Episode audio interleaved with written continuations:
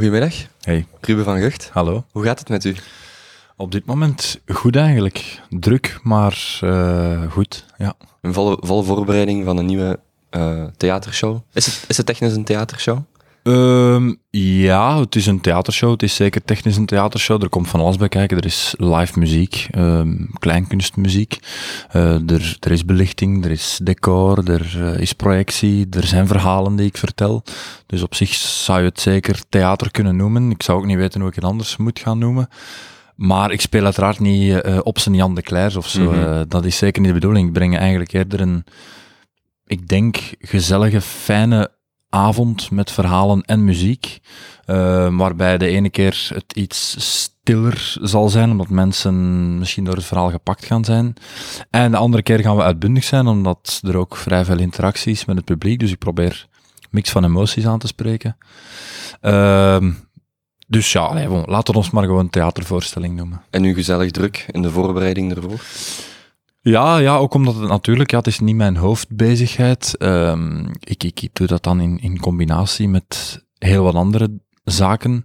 Ehm in februari hebben we nu een, een denk een zes à zevental try-outs te spelen. Je bent ondertussen er eigenlijk nog wel aan, verder aan het schrijven. Er moet, ik, ik doe het ook helemaal in eigen beheer dit Mhm. keer. Dus ik contacteer de cc's, ik maak de contracten op met de cc's, ik zorg voor de facturatie met de cc's.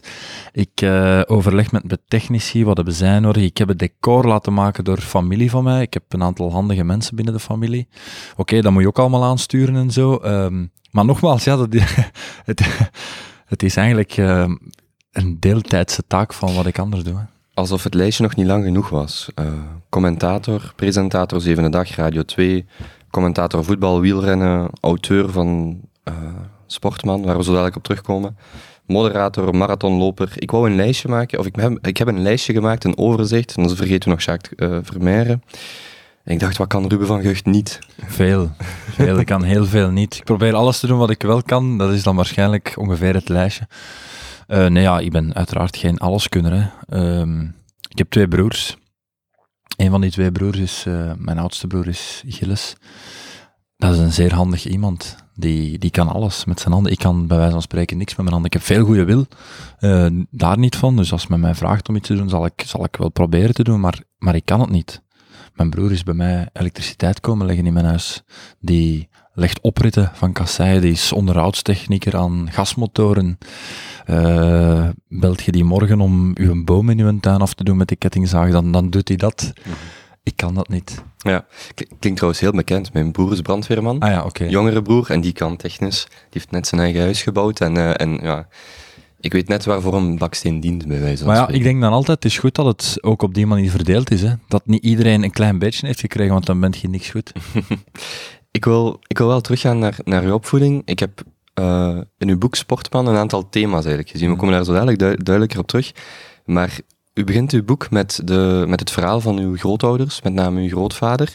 En ergens iets verder in uw boek schrijft u dat u, u schrijft dat zo los tussendoor, maar dat u als twaalfjarige meefietste met uw vader, toen dat hij de dodentocht eh, liep. Klopt. Dan vraag ik mij af, die komt uit een gezin waar buitenshuizen, activiteit, actief leven eh, heel centraal stond. Ja. Als, u, als u terugkijkt op die, op die periode om als kind op te groeien, ehm, ja, nee, ik ga het u gewoon open vragen. Hoe, hoe kijkt u daarop terug nu? Want u, u zit nu in een periode... Op mijn periode als eh, Wel, mijn jongere periode? Ja, want u, bent nu, u, bent, u heeft nu een leeftijd waarop u, neem ik aan, zelf begint te denken aan kinderen, of, of daar op, van op een andere manier of van op een andere afstand op terugkijkt. Op al die verhalen, op de omgeving van u Ja, als ik- jongere. Ik, moet zeggen, ehm, ik, ben, ik ben afkomstig van een klein dorp, Breendonk. Ehm, ik woonde zelfs niet in het centrum van Breendonk, we woonden op de buiten, op de boeren buiten. We hadden een grote familie. Ik ben naar de jeugdbeweging geweest. Ik ben echt waar zo doorsnee als het maar zijn kan. En ik vind dat fantastisch. Ehm, Wat deden uw ouders trouwens? mijn eh, mama is nog altijd verpleegster in een ziekenhuis. En mijn papa is zelfstandige. Die heeft een, eh, een bedrijf, ja, in eigenlijk begin jaren 90 opgericht in eh, computerprogramma's schrijven. Ik heb daar totaal geen kaas van gegeten. En helaas mijn twee andere broers ook niet. Dus dat is een beetje jammer voor ons vader, maar het zal niet anders gaan. Kijk, wij komen nog een keer of drie, vier per jaar met de familie samen. Dat is vaak ter eh, nagedachtenis van mijn grootouders. We hebben ook sinds kort, hè, we moeten mee met de tijd, een WhatsApp-groep met de familie.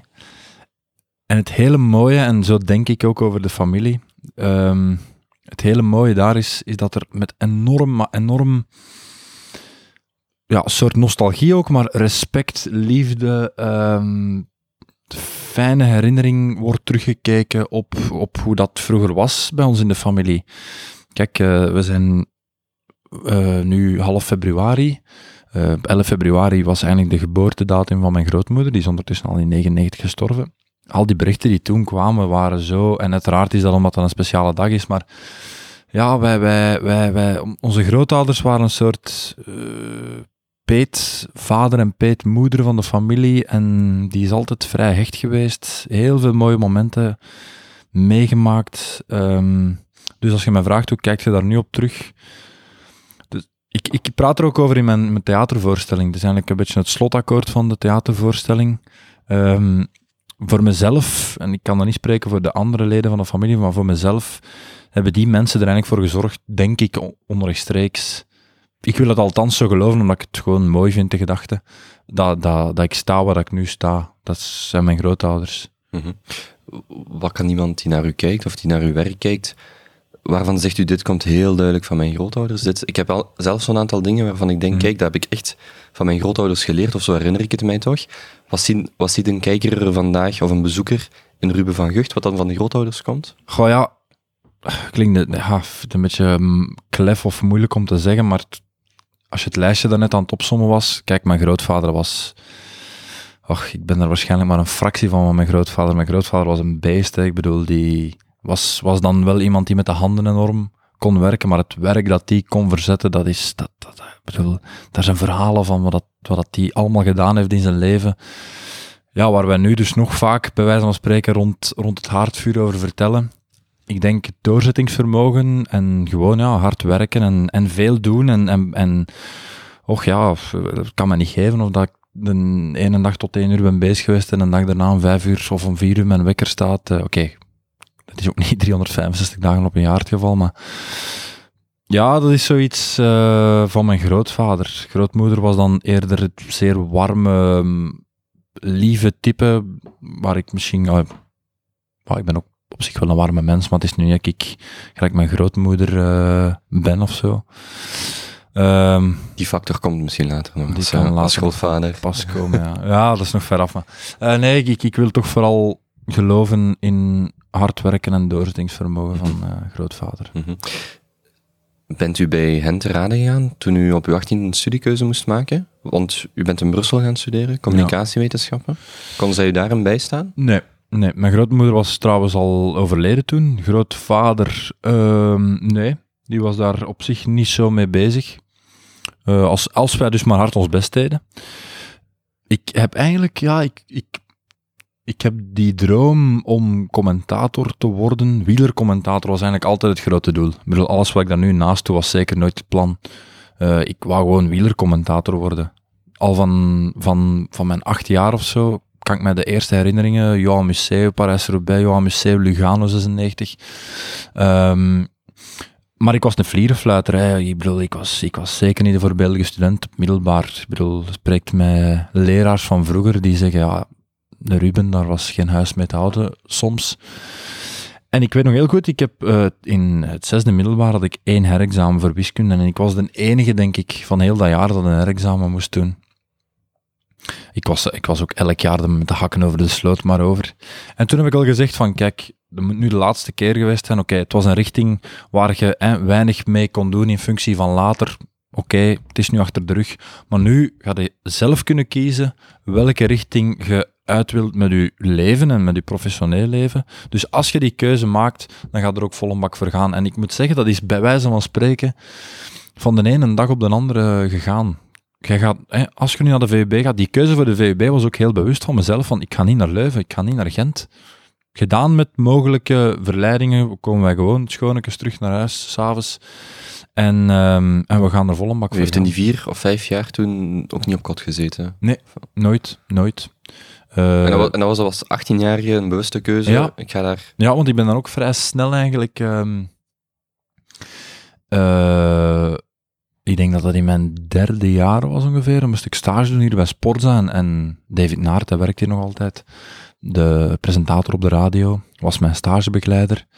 En die zei mij van, ja kijk, uh, aan inzet geen gebrek, alleen ja, uw stemmen. Ik kwam, ik kwam van Breinonk en ik sprak plat Breinonks. Ik sprak echt plat Breinonks uh, dialect.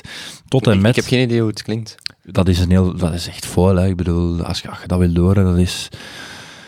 Mensen gaan, gaan dat niet geloven dat ik nog Breinonks klap, maar in feite, ja, dat is... Ja, daarmee kun je niet op de radio of op de televisie komen, dat verstaat ook wel, hè. Dus dat is een beetje Breinonks Londerzeels. Um, maar ik sprak dus zo, want mijn grootouders spraken zo, mijn ouders spraken zo. Maar dus, van David die zei van, ja, met die stem kan je niks doen. En ik, ik, ik heb toen ook onmiddellijk een logopedist zelf onder de arm genomen in Bornem. Ik reed er met mijn fiets elke week naartoe. We deden sessies van twee dat waren de beginselen.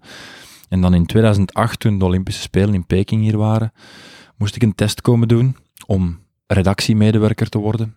En David zat in de jury. En het viel hem zo op dat ik ja, aan mijn stem gewerkt had, dat hij zei van, ah, je hebt de moeite gedaan, ah, tof, ja, begin hier maar, uiteraard. Hè. Het was nog niet perfect, maar ik had wel moeite gedaan. En dan heb ik nog anderhalf jaar, in Bergen was het dan, in Antwerpen, bij een logopediste van de VRT gewerkt om ja, dat stemattest van de VRT binnen te halen.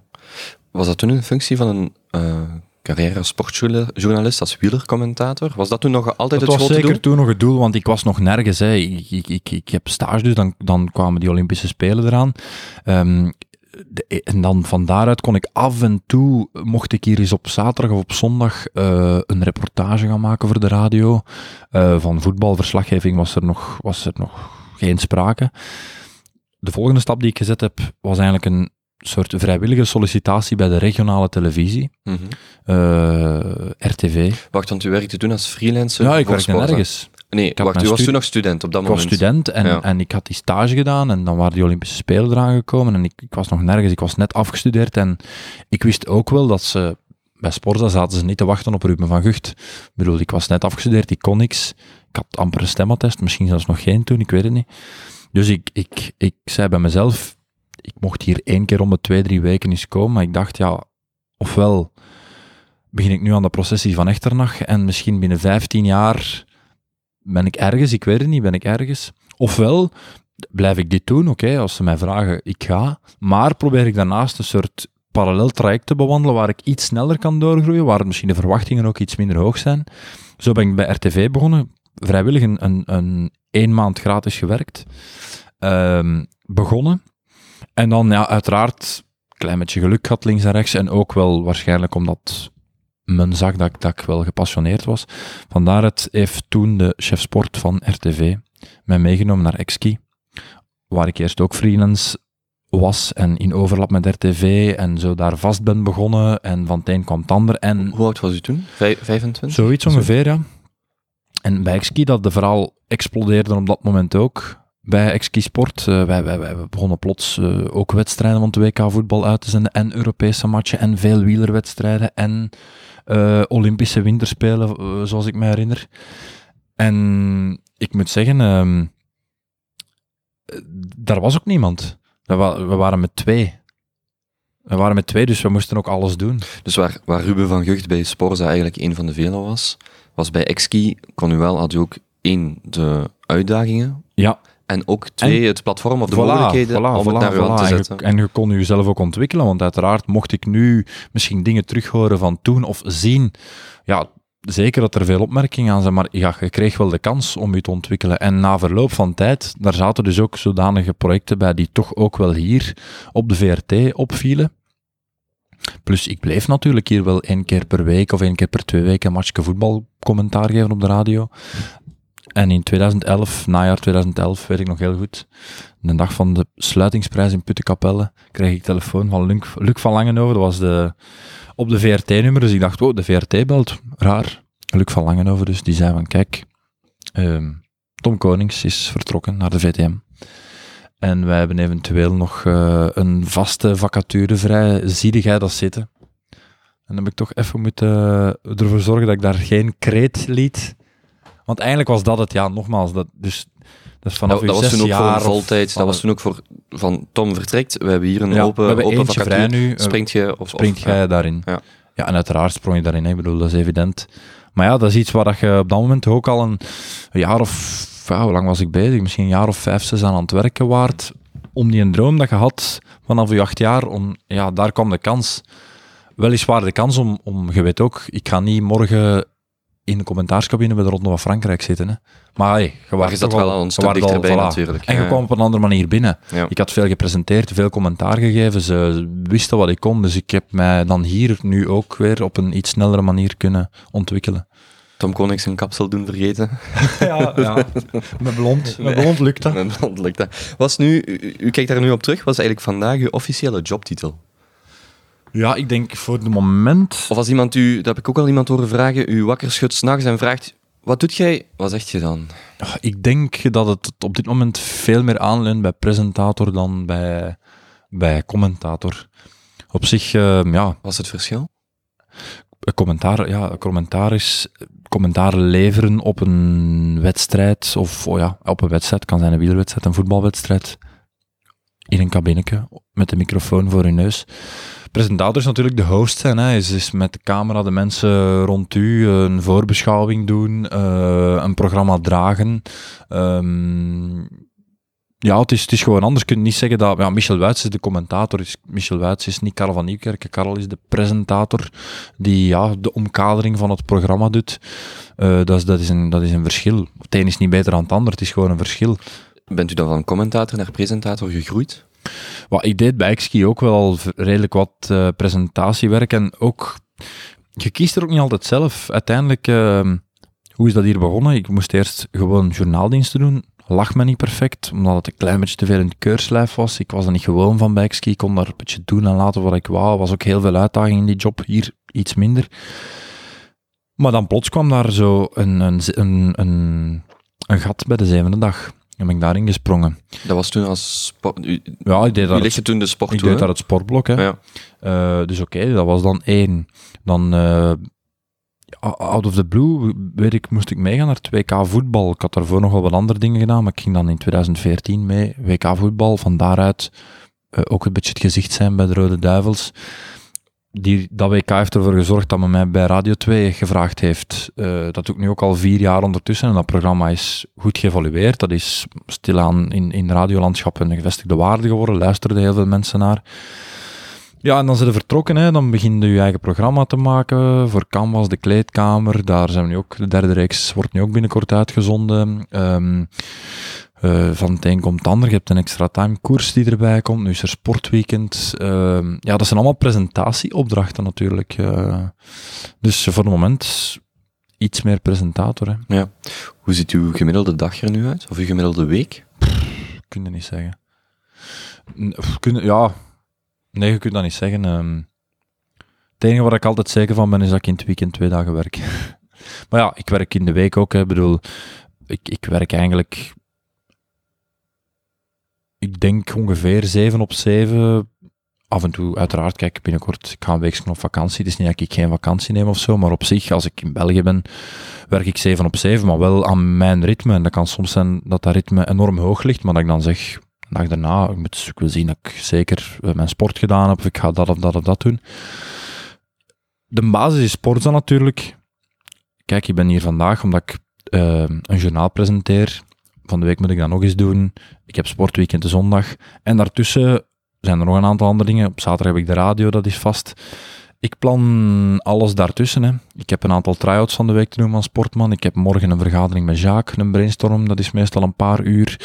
Ehm, heb je dan nog een uur of twee over? Ik moet nog eens een column schrijven, links of rechts. Allee, ja, je vult dat een klein beetje in, à la carte. Onderschatten mensen uw schema? Als, als mensen nu van buitenaf Wow. afspreken, zien ze dan te veel de glamour van, van de job en te weinig de, de inspanning die erachter zit? Mm, goh, dat weet ik niet. Dat zou misschien aan de mensen moeten vragen. Maakt mij ook niet uit eigenlijk, dat hoeft ook niet.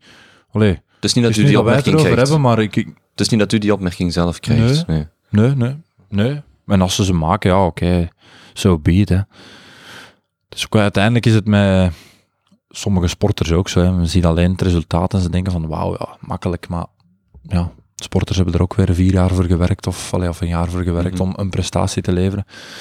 Alles, alles gaat gepaard met hard werken, hè. Ja, ergens in uw boek schreef u het verhaal van, ehm, of in uw boek schreef u het verhaal van Pieter Timmermans, dat hij eh, met zijn zilveren medaille op de Olympische Spelen, eigenlijk de extase of de apotheose van ehm, terwijl de koffiemachine hier aanspreekt, denk ik. De, de apotheose van, eh, van vier jaar hard trainen is dan 100 meter in een, in, in, in een zwembad natuurlijk in zijn geval. En that's it, hè. En er kruipt enorm veel tijd aan. Ja, ja, zeker, zeker, zeker. Ja, in dat soort eh, sporten is het nog extremer natuurlijk. Hè. Mhm. Ehm, ze hebben wel wat tussendoelen, WK's en, en andere wedstrijden, maar het draait uiteindelijk om die Olympische Spelen en daar dan eventueel een medaille veroveren. Dus ehm, Bent u wel tevreden met, u, met de balans tussen uw werk en, en, en, en leven? Die, die work-life balance, waar dat iedereen het tegenwoordig over heeft? Vindt, vindt u daar ja, wel ik uw- wel, omdat ik daar eigenlijk nooit een probleem van maak. Ik bedoel, voor mij mag mijn privé gerust ook in, allee, in verdrukking. Ah, nee, ik kan dat niet zeggen. Ja, wat dat voor anderen eh, normaal is, is misschien voor mij niet normaal. En wat voor mij normaal is, is voor anderen niet normaal. Eh, iedereen, ja, hangt vanaf wat je zelf belangrijk vindt. Bij mij is het bijvoorbeeld belangrijk dat ik elke dag mijn sport kan doen. Dat is een soort stukje privé van mij. En het is ook belangrijk dat ik mijn vrouw geregeld is op een rustige manier kan zien. Daar stopt het ongeveer. Ik heb geen... Ik ga zeer weinig, en dat is wel jammer, maar ik ga zeer weinig weg. Ook weg met vrienden. Ik zie die wel, maar toch ook weer heel weinig. Ik hoef die ook niet zoveel te zien. Eh, als ik ze zie, is het altijd heel hartelijk. En je hebt mensen die ja, graag in het weekend eh, toch op café gaan of, of filmpje gaan zien. Of, ja. Door mijn werk is alles wat ik doe in mijn leven meestal redelijk uitdagend genoeg om gewoon in een weekend, als ik dan eens een avond thuis ben of in de week, eh, rustig mijn voeten omhoog te leggen en Hmm. niks te doen. U krijgt dan de vraag, of u komt zelf met het idee om een boek te schrijven, dat weet ik nu niet, of, of de uitgever naar u is gekomen, ja, dat of is andersom. vraag eigenlijk. Ik denk, mm, nou, ik denk op zich dat het wel een vraag van de uitgeverij was. Geïnitieerd door iemand anders, maar ik weet al niet meer goed Hmm. hoe dat kwam. Dan ik had u, een paar boeken ervoor geschreven, maar Ja. niet bij hun. Ja.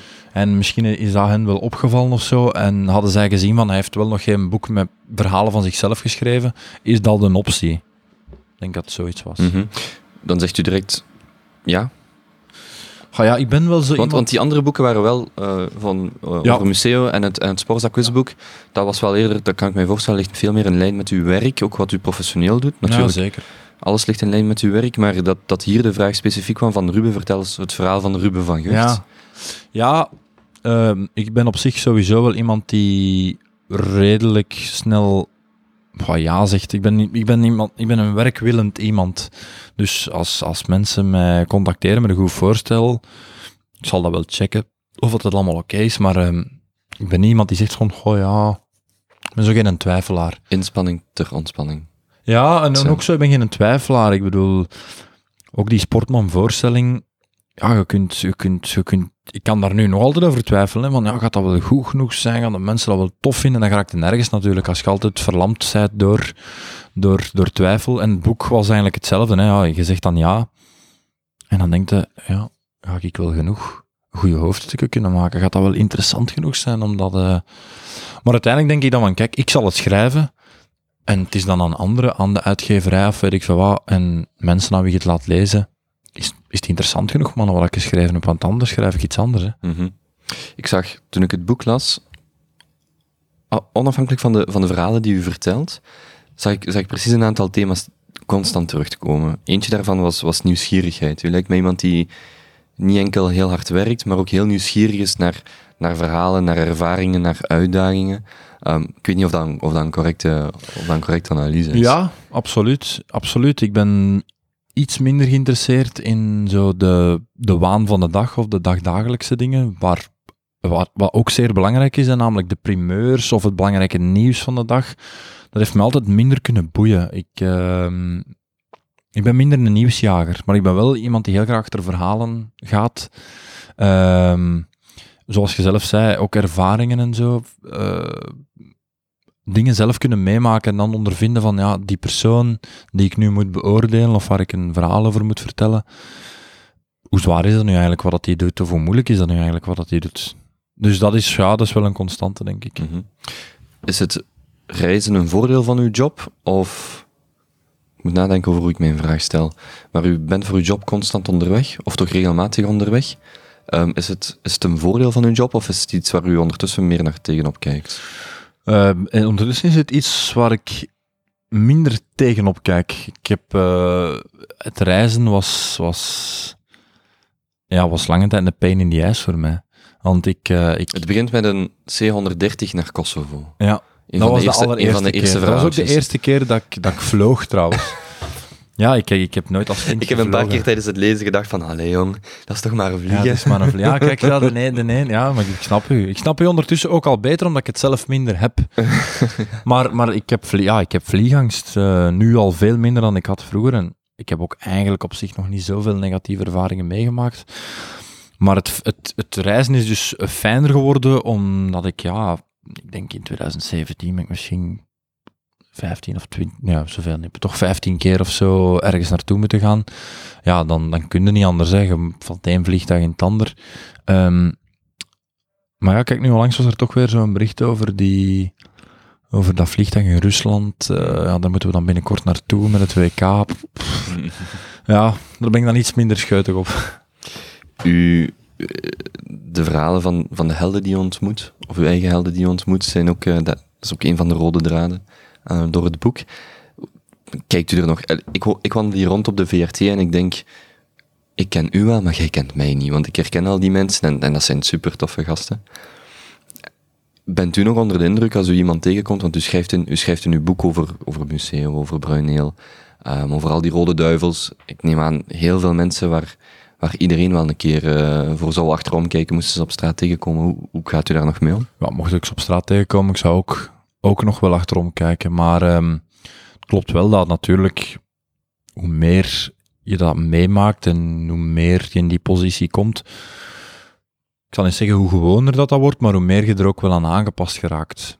Maar dan toch nog altijd, ja, als je mensen voor het eerst, hè, ik weet, eh, we waren onlangs voor de kleedkamer naar Zwitserland gereden, om, eh, om Bjarne Ries op te zoeken. Ehm, ja, ik moet zeggen, ik weet nog heel goed, we zaten in de lobby van een hotel te wachten om, om hem eens te overlopen. Wat gaan we doen de komende dagen? Ja, dat was toch wel enigszins zenuwachtig dat ik daar nog zat, samen met, eh, met onze... Het gebeurt nog. Ja, het gebeurt toch nog eh, zo van, oké, wat gaan we tegen die mensen zeggen? Hoe, hoe gezind gaat hij hier zijn, of hoe slecht gezind? Eh, ja, het blijft toch Bjarne Ries. En zo zijn er nog wel een aantal figuren in de reeks gepasseerd waarvan ik zo dacht van, oké, die gaan we nu subiet zien. Ehm, maar als je daar dan goede ervaringen mee hebt en, en, en je weet dat je daar een beetje een band mee hebt opgebouwd, dan zal dat volgende keer al veel minder zijn. Wat zou u, wat zou u jongere mensen aanraden? Stel, u staat morgen, u spreekt met iemand die hier stage doet en, en pas begint. Ehm, geeft u iets mee van de raad? Ja, Of is het echt louter letterlijk kilometers maken, eh, ervaring opdoen? Ehm, Ja, kilometers maken is volgens mij sowieso. Allee, ik spreek nu puur uit mijn ervaring, hè, maar volgens mij is dat echt altijd het- allerbeste. Het doen. Aldoende leer, leer je. Ehm, het gebeurt wel dat ik zo via sociale media soms een ja, jong manneke, 12 jaar, 14 jaar, en ik kijk naar u op en ik wil later ook sportjournalist worden. En ik antwoord er altijd op, want ik weet nog heel goed dat ik zelf hetzelfde had met, met die mannen. Met Michel Wuitsen, met Mark van Lombeek en met Mark Uitroeven en Frank Raas en noem maar op. Dus ik vind dat ook wel belangrijk. Allee, eh, ik weet zelf hoe tof ik dat vond, of hoe jammer ik het vond als ik geen reactie kreeg, of hoe tof ik het vond als ik wel een reactie kreeg. En mijn enige dingen is altijd van, kijk, eh, passie volgen. Als het uw passie is, volgt ze gewoon. Laat u dus ook niet van de wijs brengen omdat uw leraar tegen u zegt, ja, maar ja, Nederlands is misschien toch niet goed genoeg. Ja, ik was ook niet de geweldigste student Hm. in middelbaar. En, en hard werken. Iets anders wat mij opviel, of een, vraag die ik mij stel als ik het boek las, heeft u faalangst? Heeft u last van faalangst? Mm. Ik moet er even over nadenken. Nee. Nee. Eerst was twijfelend en nu nee. En, maar ik wil er wel aan toevoegen dat ik mij wel in vraag stel.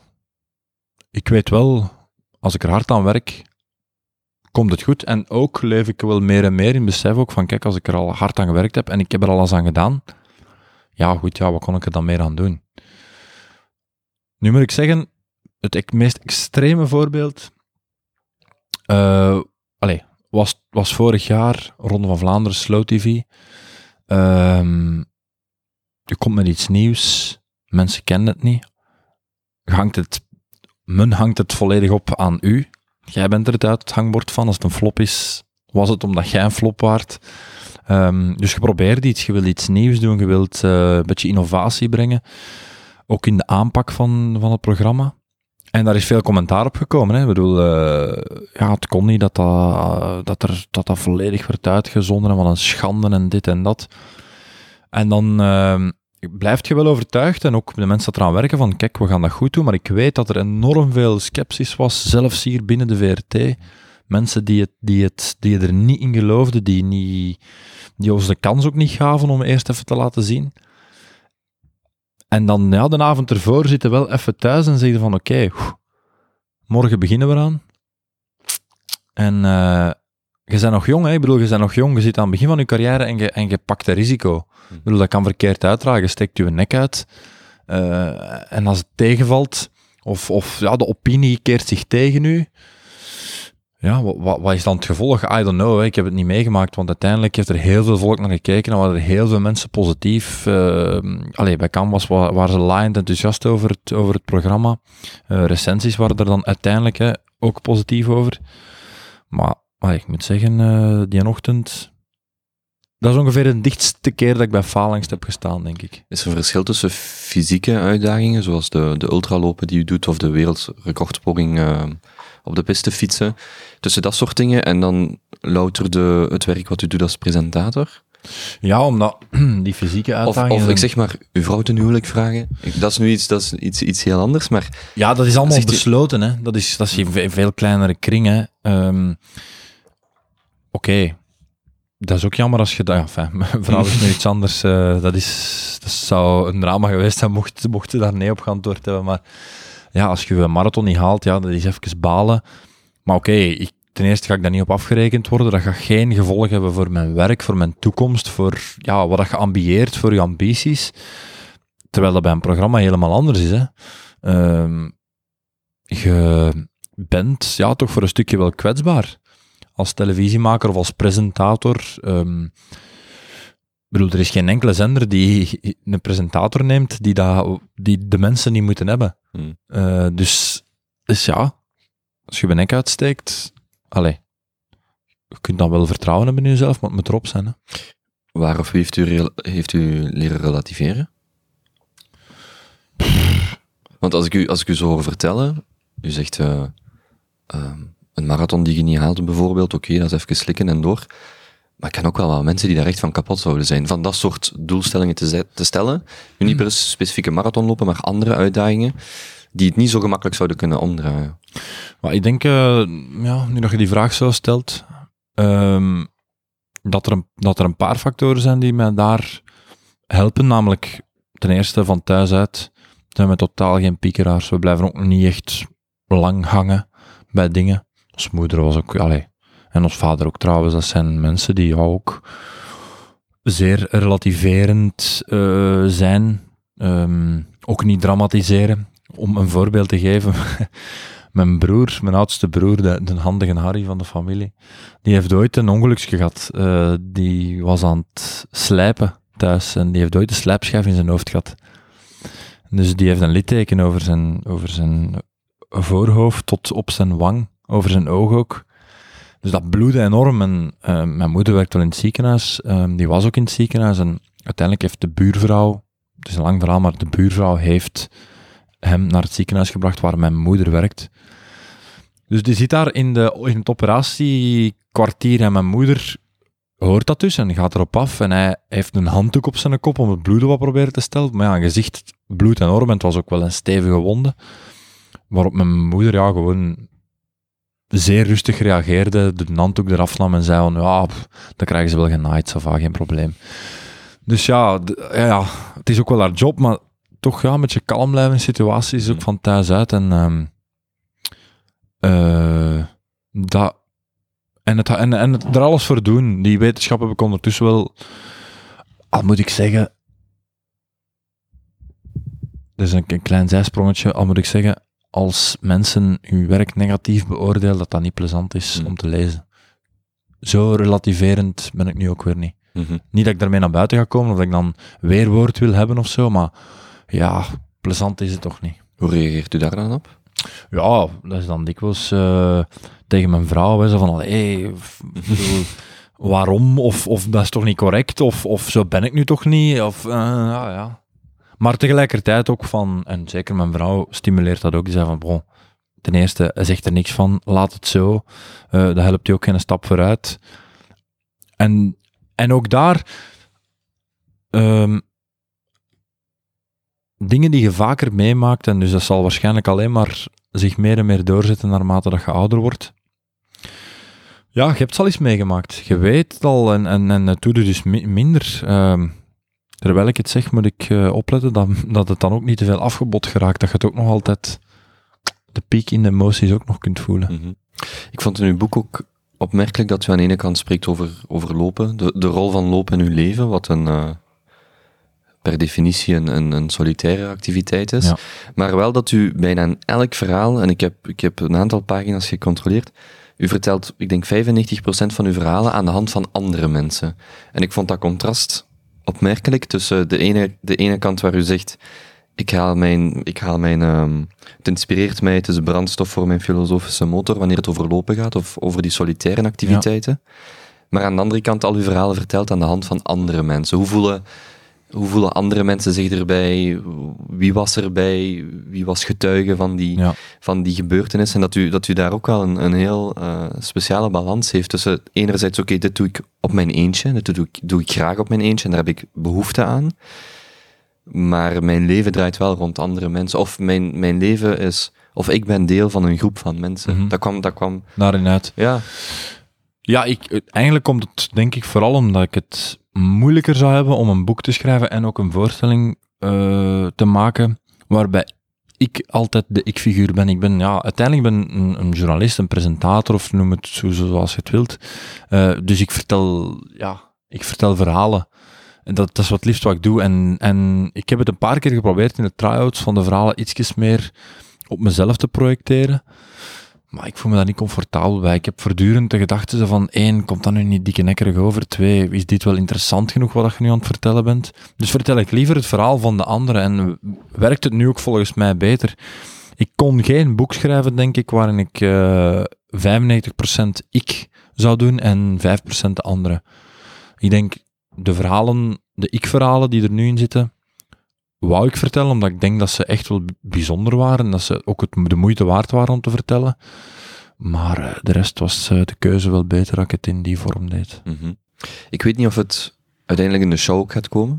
Ik ga graag op de, op de première het komen ontdekken, maar in, in het boek schrijft u um, over de à la carte uh, wijsheden van uw grootvader. En ik, ik las in uw boek um, een van, uw, een van uw verhalen over de dodentocht die u liep.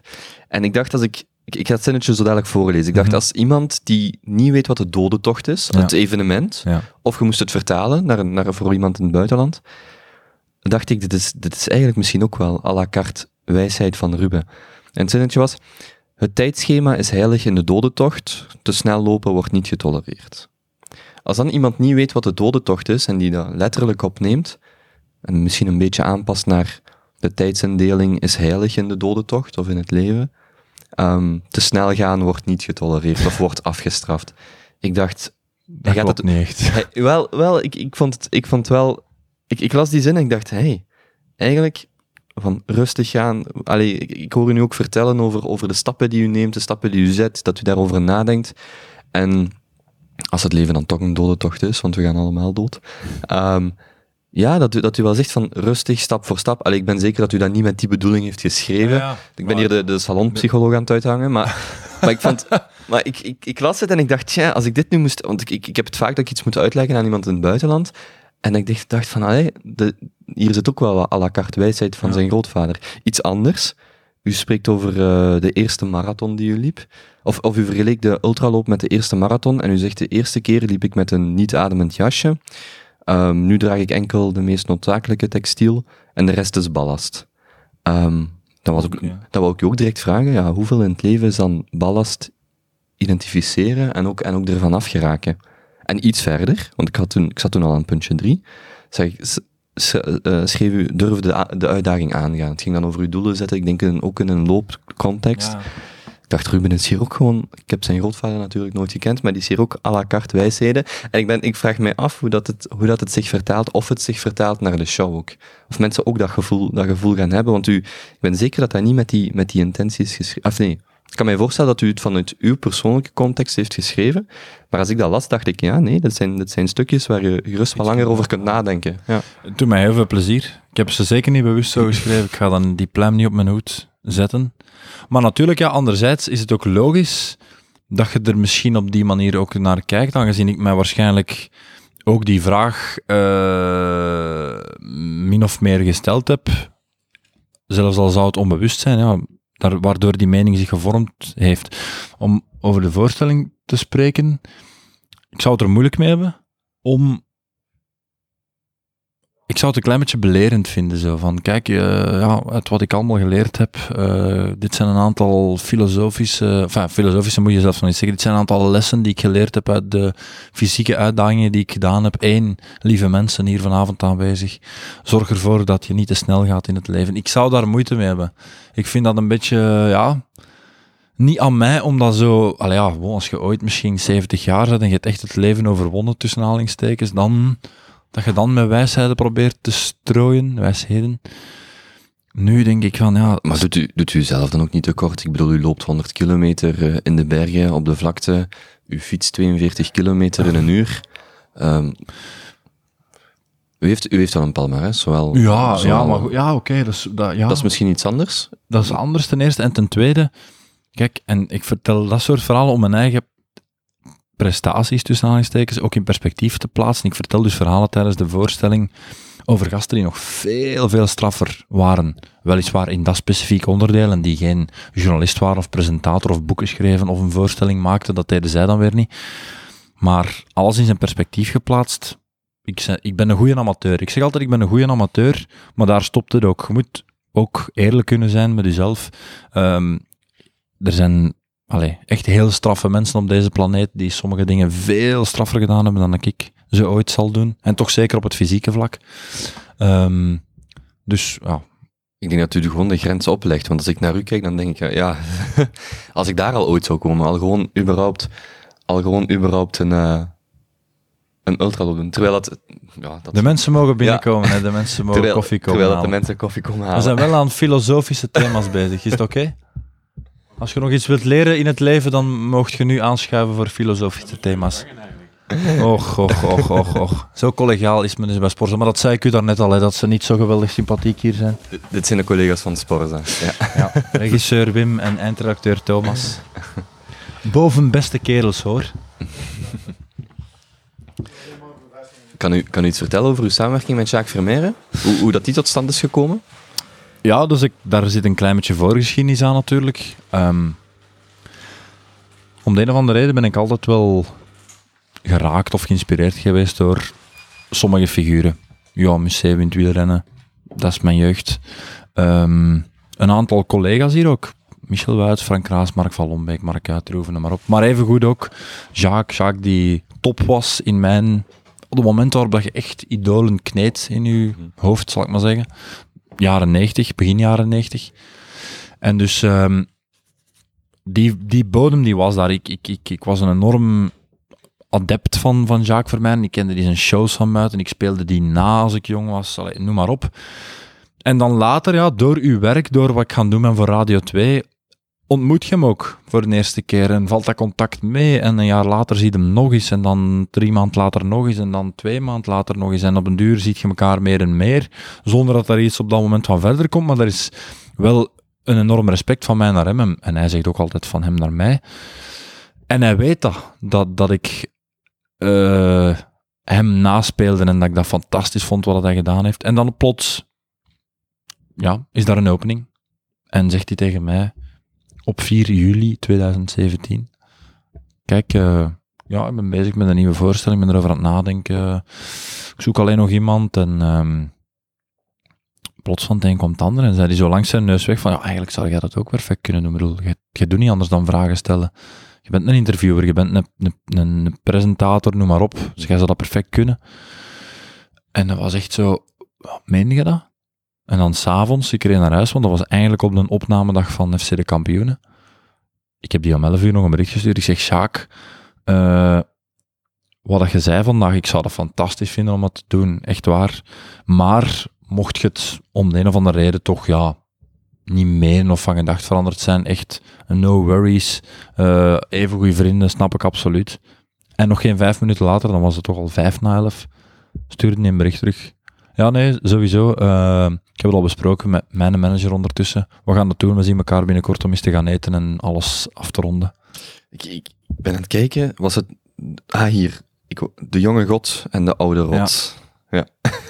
Ja, ideetje van Jacques of Jacques zijn manager, ik weet niet, maar toch, ja. Ja, Ook weer, ook weer een jongensdroom die uitkomt. Alhoewel, geen droom in de zin dat u... Ik, ne- ik neem aan dat u niet dacht dat u ooit met Nee. hem zou samenwerken, maar Ja. het is wel iets waarvan u ja, zegt... ja, zeker. Het is samenwerken wel met een icoon of een idool. Ja. En dan ook nog eens in de formule die ik zo adoreerde, of helemaal van buiten kende. Namelijk die zaalshows, dat, dat, ja, dat aangeven. Inderdaad, nooit gedacht dat ik, dat ik daarvoor geschikt zou geweest zijn. En we zullen nog moeten zien of ik daarvoor geschikt ben. Hè. De mensen moeten het maar uitwijzen. Maar Wanneer, wanneer begint die reeks? wij beginnen. ehm, we gaan officieel in première in november. Maar onze Dus tryouts, 2018, dit jaar. maar Ja. onze tryouts beginnen in april, we spelen er in mei. We gaan in de zomer veel tryouts spelen. We gaan. Eind september beginnen er al zo avant-premières, al een hele maand oktober. Dus al ja, Het was nog niet druk we genoeg. weten, we, weten, we weten wat doen. Het was nog niet druk genoeg in, de, in het schema van eh, Ruben van Gucht. Ik, ja, ik, er gaat toch vroeg of laat. Dus kijk, nu bijvoorbeeld, dat is de eerste keer dat ik heb moeten zeggen tegen iemand van, ja, dit ga ik echt niet meer zelf kunnen doen. Er komt nu een boek van de kleedkamer, Mhm. van de derde reeks.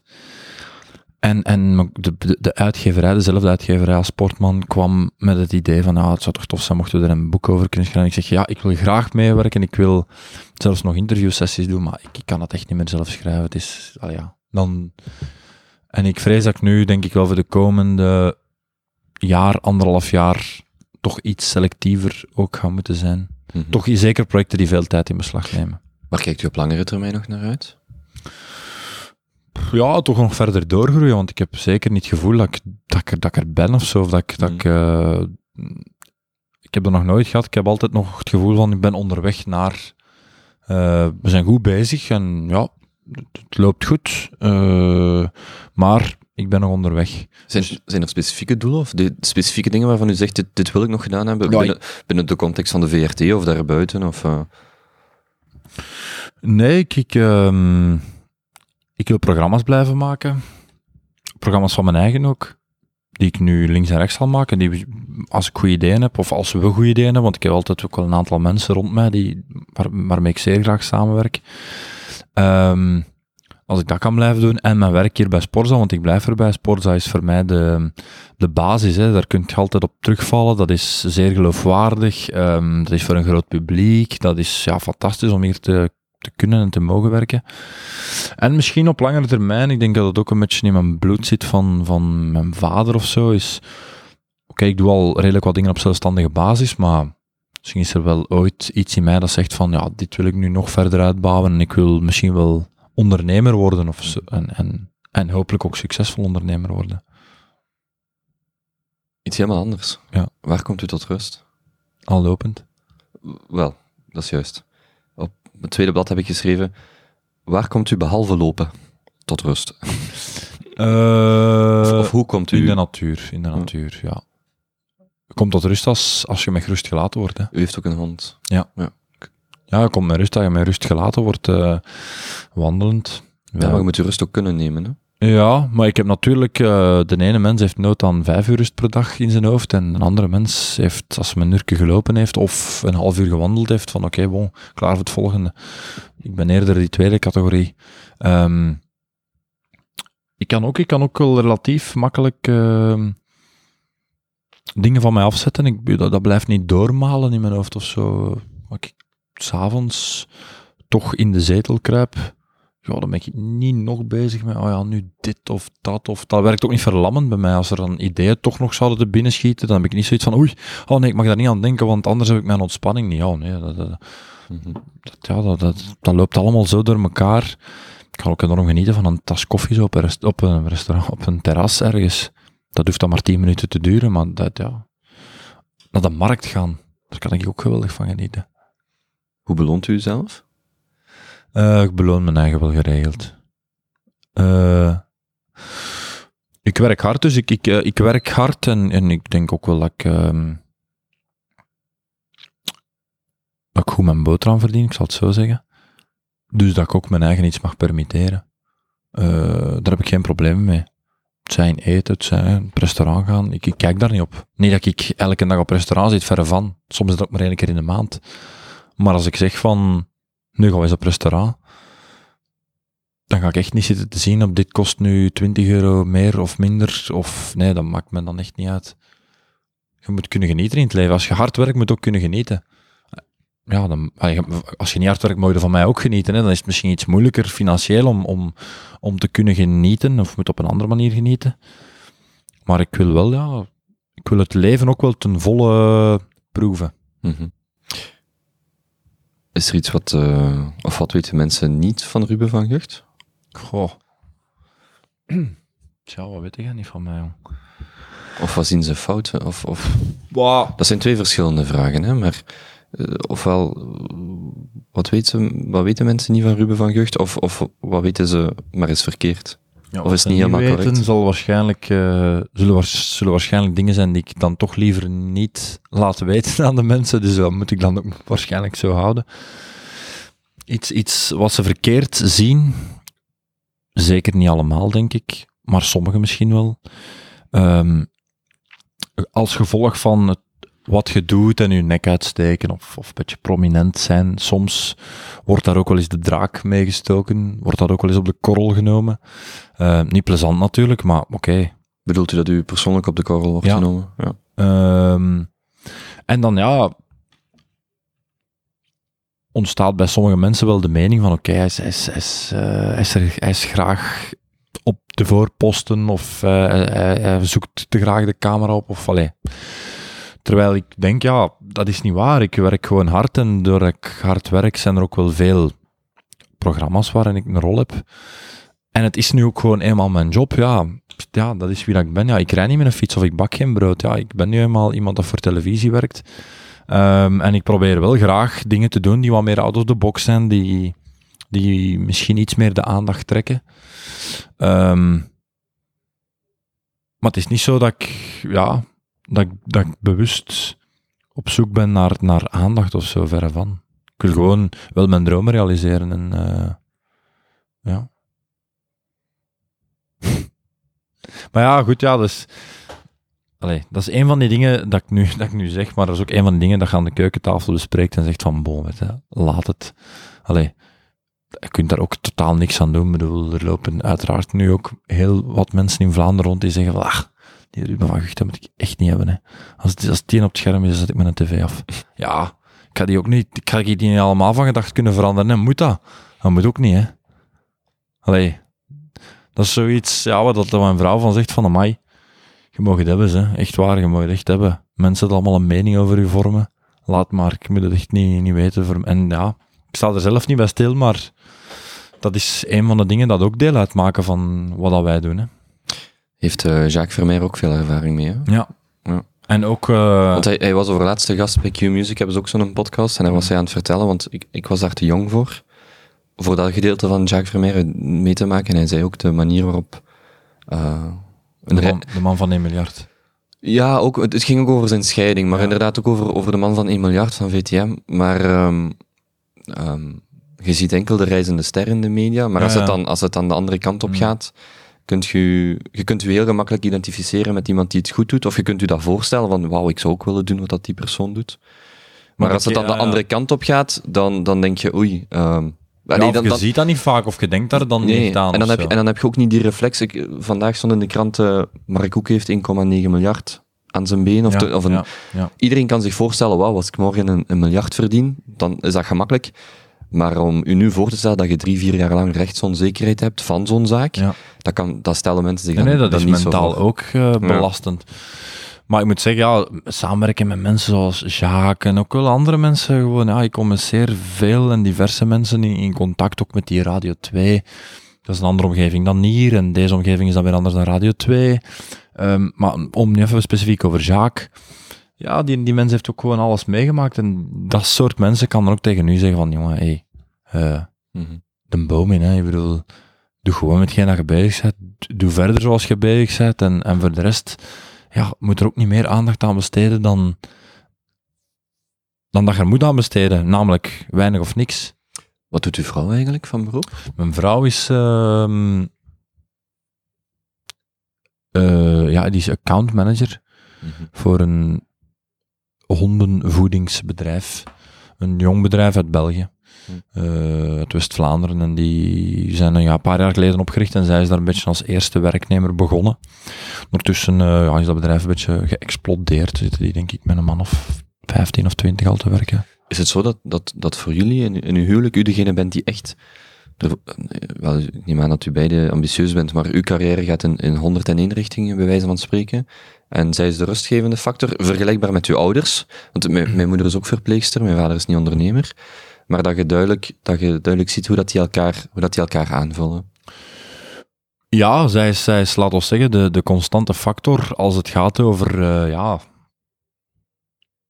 bijvoorbeeld met een hond, ja, daar zijn nu iets meer belast soms, of, of dat is net iets meer in functie van, van mijn agenda. Ik, ik let ook wel geregeld op de hond, hè, maar, maar ja, toch als ik zeg van, ik heb nu een vergadering, dan, dan zal zij dat wel opvangen.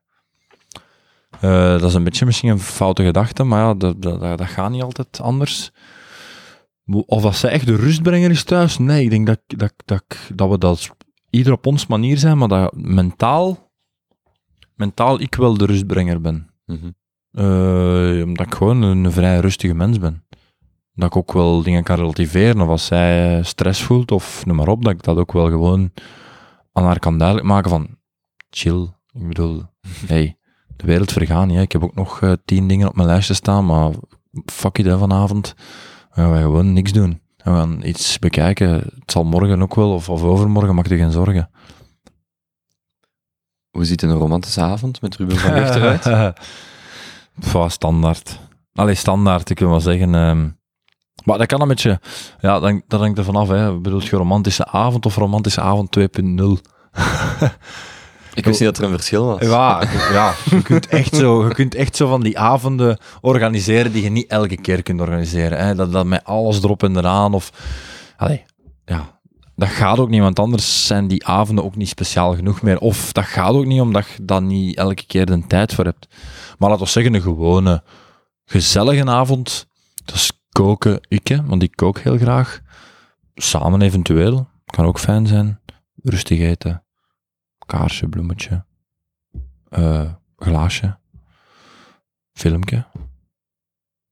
Puntje, puntje, puntje. Dat, is, dat, is de gewoon, dat is de dat gewone. Dat is, niet een 2.0. Dat is een 2.0 niet. Een 2.0, ja, dat is...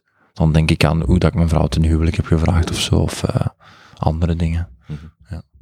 Gelukkig getrouwd. Ik zie dat u ring nooit draagt. Ja, ja, ja. ja, jawel, ik ben, ik ben, we zijn getrouwd in, uh, in de zomer van 2014. Ja, een, week, een week nadat u de ultraloop deed. Ja. Want dat is ook een anekdote uit het boek de, de anekdote dat zij u stond op te wachten op de laatste kilometer. Ja, zat er toch wel schrik van. Ik weet nog goed dat dat, dat was toch... Um, had toch zoiets van, ja, ga dat nu echt doen? Want alleen wij trouwen dus wel hè, volgende week. Als er iets gebeurt met u, ja, bedoel, serieus, alleen dan sta ik hier... Ja, dan gingen wij trouwen, maar gaan we toch niet trouwen? Die was er zo redelijk fatalistisch in. En ik zei van, oh, oh, oh, ik bedoel, ik ga er wel staan hè, volgende week. Um, ja, dat was een week na de dodentocht, ja. De dodentocht die ik heb uitgelopen. Een van de dodentochts die ik heb uitgelopen. Ja, dat, is, dat, is, ja, dat zijn momenten, dat zijn mooie momenten. Hè. Je maakt dat ook zo weinig mee. Alleen zo 100 kilometer uitlopen en dan je vrouw dat je er morgens na een hele nacht lopen staat op te wachten. Dat zijn. Je, kan dat, je kunt dat niet beschrijven, man. De emoties dat je dan voelt, dat is dat snijdt je adem af, dat snijdt je... Je begint, te, bijna, ja, je begint te huilen, like een klein kind. Je bent zo moe, je bent zo diep gegaan en dan staat de vrouw die dat, die dat ook een heel jaar, bij wijze van spreken, met u ofwel een keer meefietst of dat toch allemaal aanvaardt dat je dat doet. Die staat er dan op te wachten en, en dan kunnen zeggen van... Oh, het is toch allemaal niet voor niks geweest. Dus we zijn er geraakt. We, hebben, we hebben er ons letterlijk doorgeworsteld door al die trainingen. En ja, je maakt dat zo weinig mee, maar dat is enorm schoon. Hè. Bent u tevreden met de persoon waar u naartoe groeit? Ja, ik ben er eigenlijk altijd relatief wel tevreden mee geweest. Ik ben zo niet echt een ontevreden mens geweest van mijn eigen. Ja, er zijn natuurlijk altijd ja, werkpunten, maar ik wil dat liever wat organisch laten groeien of zo. Ik ben niet zo van plan van, oké, nu moet je echt aan dit gaan werken, of... Ik ben op zich wel te... Allee, ben zo een relativerende mens, dat vind ik heel tof. Ik ben ook iemand die zeker niet vergeten is van waar ik kom of wie dat ik ben. Ik ben echt... Uh, ik hou nog altijd van de zeer gewone dingen in het leven. Terecht. Waarom zou ik anders moeten doen? Vraag ik me af. Um, dus ja, ik ben op zich wel tevreden met wie dat ik ben. Ja. Is er behalve lopen een andere dagelijkse gewoonte die een grote impact heeft op je leven? Ja, werken uiteraard, maar dat is de, de normale gang der zaken. Nee, koffie drinken. In grote mate. Wat de impact van koffie is namelijk dat je dan ook weer wat, wat langer kunt doorgaan of zo zeker. Het is een drug. Uh, ja, koffie is ook wel een vrij constante in mijn leven.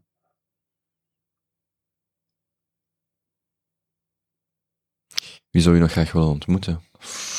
Ik was ondertussen even aan het nadenken over ja, denk rustig uh, na, denk na. Um, uh. wie zou ik nog graag willen ontmoeten? Ah, wel, ik ga er nu het volgende op antwoorden. Hè. Dat is altijd meestal de vraag in de richting van welke idolen, welke sporters, welke... Maar wel, eigenlijk moet ik er geen enkel ontmoeten. Als je mij zegt van, kijk, je gaat nog één iemand kunnen ontmoeten, of je gaat nog één ontmoeting, dan wil ik graag mijn grootouders terugzien. Echt waar. Hm. Dat gaat, dat maakt me niet uit welke sporter en grootouders nog eens terugzien. Heeft u een favoriete historisch figuur? Um, nee, niet zo. Ik ben ook zo niet de man van uh, quotes van mensen uit het verleden. Um, Nee, ik heb sowieso wel respect en, en ik leer ook, of ik neem waarschijnlijk ook wel links ergens iets mee van een figuur waar dat ik denk van wauw, is toch knap wat hij gedaan heeft. Maar niet zo een figuur die er bovenuit steekt. Ik wil eigenlijk nog even, nog even terugkomen op uw grootouders, maar ik ga, ik ga dat zo dadelijk doen. Um, als, u, als u terugkijkt op uw, op uw 18-jarige zelf, dan, dan vraag ik me af, welke raad zou je uzelf geven en op dit moment, uw 18-jarige zelf. En misschien ook welke raad zouden uw grootouders u hebben gegeven? Of op u, pak dan uw grootouders op uw 25-jarige. Toen je, mm. Welke raad geeft jij uzelf op 18 en welke raad zouden uw grootouders u op uw 25ste hebben gegeven?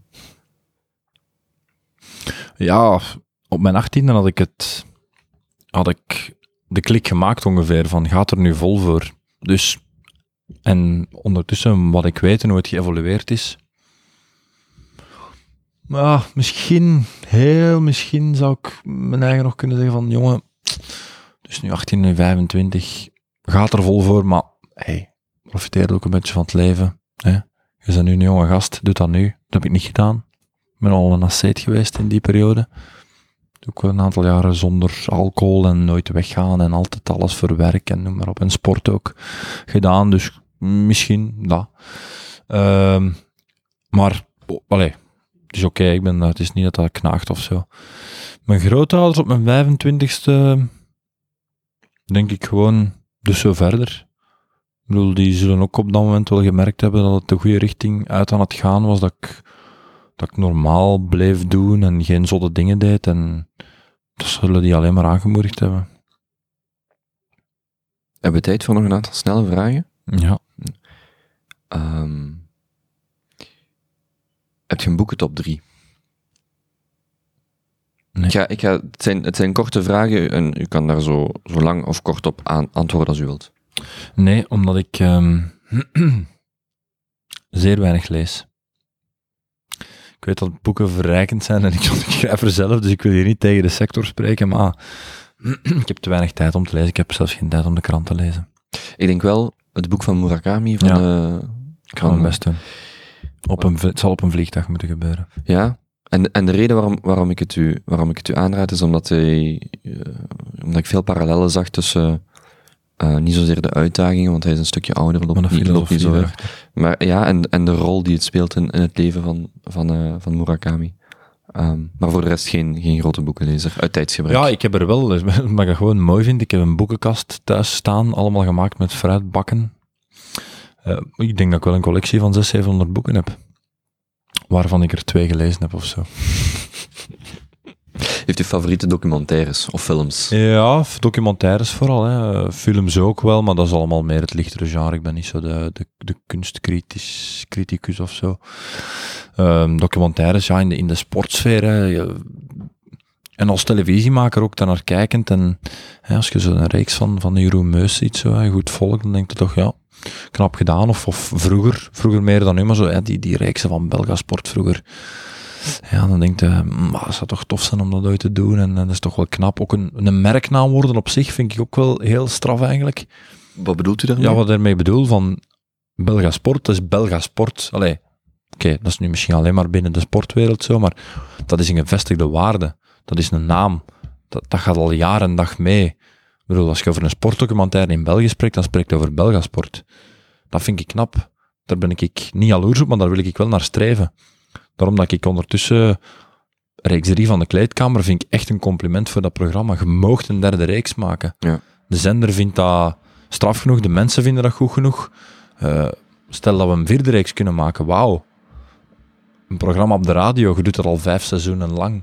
Vind ik tof. Niet dat, je, niet dat ik heel mijn leven ga vasthouden aan hetzelfde, maar ja, zo dingen waar, waar de, ja, dat je een soort herkenbaarheid kunt creëren bij de mensen, vind ik wel chic. Ik moet net denken aan uh, Man on the Wire.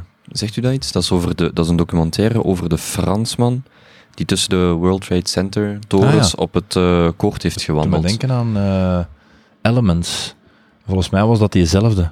Dat was een, een vierdelige reeks of zo op Canvas, jaren geleden. Een hele mooie reeks. Met ook een koorddanser die ze volgde.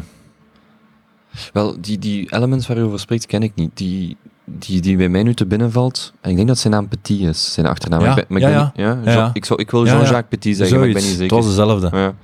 Dat, waar ze hem ook volgen, ook weer vanuit waar de sport centraal stond, maar ook gewoon de uitdaging en, en, het, en ervoor gaan.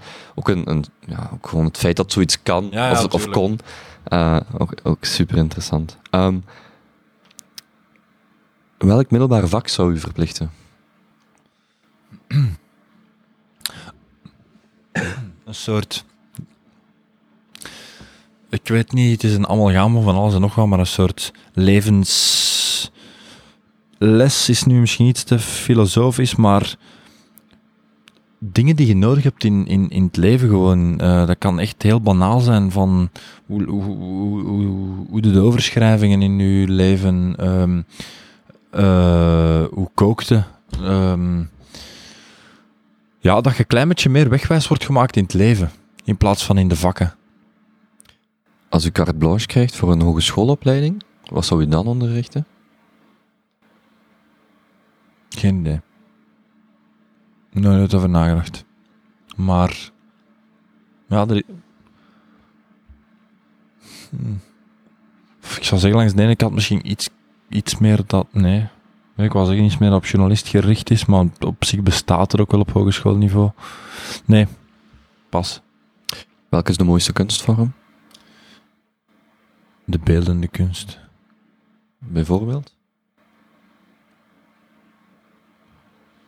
Ik niet, ja, zo grappig. We hebben een, een, hele lange discussie gehad over kunst. Als we al er weg waren voor de kleedkamer met, een, met de cameraman. En het komt er eigenlijk op neer dat ik eigenlijk wel zo nog kunst heel breed interpreteer. Dat voor mij niet kunst zo moet zijn van, ja, dat is iemand dat zich maanden heeft teruggetrokken om dan met een, een soort expressie te komen van iets waar hij over gefilosofeerd heeft. Het zij dan op het doek of het zij op weet ik veel wat. Ik bedoel, dat kun ook populaire kunst hebben. Ik bedoel, misschien is FC de kampioen wel kunst, want er kijken een miljoen mensen naar. Dan heb je ook een breed gedragen kunst. Ik kan me voorstellen dat u daar lange discussies dan over, kunst kan, over de definitie van kunst kan hebben. Dus daarom, wat is mijn favoriete wat hier van kunst? Ik weet het niet. Um, ja, misschien moet ik dan toch weer iets dichter bij mezelf houden of zo. En uh, straffe documentaire of zo, waar ik uh, naar opkijk. Ja. Als, u als u één dag zou kunnen herbeleven, welke zou dat dan zijn?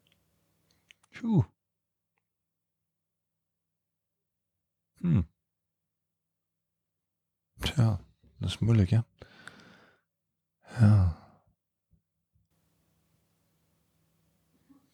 Ik zal zeggen, ja, mijn, mijn, mijn trouwdag. Maar anderzijds, misschien, die zit nog vrij vers in het geheugen, dus ik weet ook nog goed dat hij eraan toe ging. Ik heb daar veel beelden van. Dus misschien toch eerder even terug gedropt worden in de zetel bij mijn grootmoeder. 13 oktober 96, Lugano, het WK dat Johan Mussé won. Zeg ik nu maar, voor de vuist weg. Mhm. Ziet u, zi- ziet u zelf al zitten in de toekomst met uw kinderen, kleinkinderen? Nee. Nee, ik, nee te veel voorlopig met, eh, niet met kinderen bezig gewoon. Hm. Te veel met andere dingen bezig, eh, ook mijn vrouw. Dus laat staan met kleinkinderen. Stel, u heeft 30 seconden voor een boodschap van algemeen nut. Wat, wat deelt u dan met uw landgenoten? dat we. God, 30 seconden, man. Ja, daar moet je over nadenken over zoiets. Hè. Nee, ja, ik, ik, ik hoop eh, dat we gewoon allemaal iets liever voor elkaar zijn, wat positiever. ehm, dat we mm, ook iets minder soms wat mieren neuken. Dat, zijn zeker, dat is zeker niet de meerderheid van de bevolking dat dat doet, maar je hebt heel hard de neiging de laatste jaren dat er zo, wauw, ja eh, minst dat er iets gedaan wordt, maakt nu niet uit wat, dat er ook altijd kritiek moet opkomen. En mensen hebben ook veel makkelijker kanalen om kritiek te geven, wat dan ook weer uitvergroot wordt, die kritiek. En ja, ik heb het daar echt niet mee eigenlijk. Ik bedoel, ik denk van soms mensen leven en laten leven. Kijk, dat, zijn dat is de goede zinsnede om met te eindigen, leven en laten leven. Dan wou ik inderdaad mijn laatste vraag stellen. Eh, waar kunnen mens- mensen u vinden of informatie over u? Als ze naar uw shows willen komen, als, Ah, ja. u willen, als ze u willen opzoeken. Ja, ik, heb ik, ik bedoel niet uw adres of uw gsm. Nee, ik heb een website. ik heb een website, zowaar, ja. In de 21ste eeuw. Uh, rubenvangucht.be. Daar kunnen ze alles op vinden. Kunnen ze zelfs contact opnemen, eh, mocht het nodig zijn. Maar ze vinden de speellijst en zo. Die beheert u ook zelf, die website? Beheren, ik heb hem niet gemaakt. Ik heb hem laten maken, maar op zich, ja, de vragen die binnenkomen, die komen Ja. bij mij. ja. Goed. Is er iets wat ik ben vergeten te vragen of aan te halen? Iets wat u nog wil delen Nou, met, mm. met het publiek van honderdduizenden luisteraars? nee, nee, ik vond het wel zeer aangenaam. Het is een heel lang gesprek Heel te lang? doen. Een, een uur en tien minuten? Maar ja, Ik heb, ik heb uw ex-collega Pascal Pape, die financieel Ja. nieuws deed. Eén keer, eh, ik heb hem twee keer gesproken. Eén keer een pre-interview, dus zat ik drie uur bij zijn thuis. En het effectieve gesprek zelf was twee uur en veertig minuten. ja. Ja, voor mij is het toch lang. Goed, dan ga ik Maar ik vond het wel aangenaam. Alright, wel. Ik eh, ja, we zouden nog lang kunnen babbelen, maar eh, ik ga je bij deze gewoon heel veel succes wensen met de, met de zaalshows. Met de, Kom zeker eens af. Ja, 7 maart in de Arenburg. Ja. Is dat de officiële naam? De Arenburg in Arenberg. Antwerpen. Arenberg. Ja, in Antwerpen. Ja, ik ben ook een Limburger die aan het Ah, ja. integreren is in Antwerpen, dus eh, in de Arenberg in Antwerpen. Ja. Goed, heel veel succes. Merci man.